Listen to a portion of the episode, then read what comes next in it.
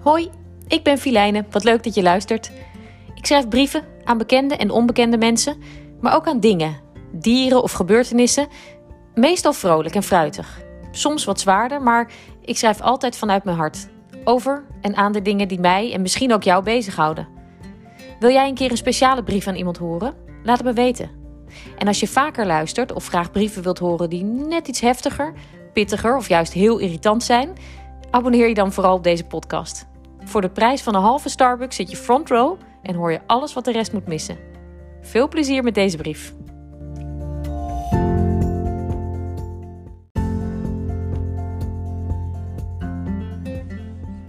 Jij bent zo'n prins, zo'n zeldzame prins.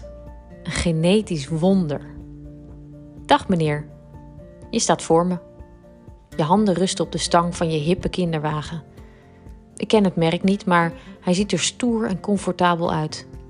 Boven de kap steken eigenwijze blonde krullen uit. In de wachtruimte zitten jouw twee andere kinderen. Broer en zus rustig de boterhammen uit hun trommeltje te eten. Eén met kaas en één met smeerkaas. Dat weet ik omdat broer lief aanbiedt om te ruilen met zus, die geen smeerkaas op brood wil.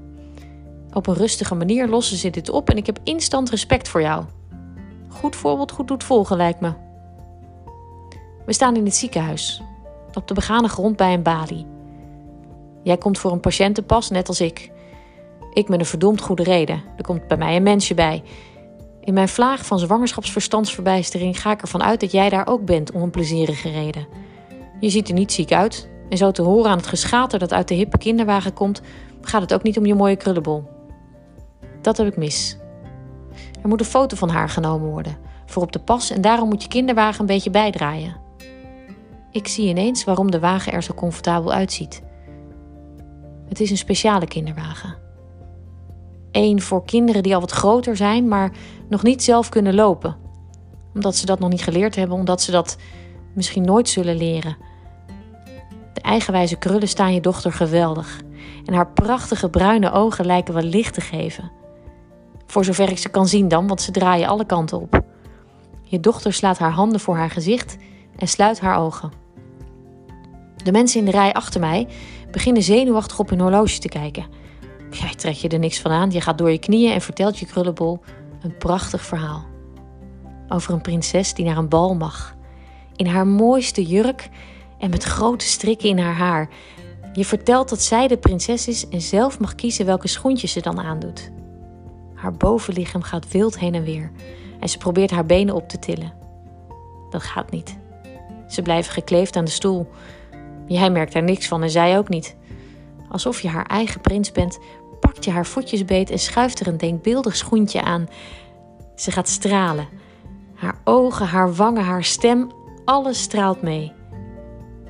De mevrouw achter de balie maakt precies op dat moment de foto. Een prachtfoto. Jij draait de wagen weer bij en als bij toverslag verdwijnt het snoetje van jouw prinses weer achter haar handen. De luikjes worden weer gesloten en ze zit weer in haar eigen wereld. Het is een genetische afwijking, vertel jij de mevrouw. Veroorzaakt door de combinatie van de genen van mevrouw en die van mij. Je zegt het zonder poespas, geen verdriet, schuld of boosheid te verschuilen zich in je woorden. Dat gebeurt soms. Beëindig je het gesprek.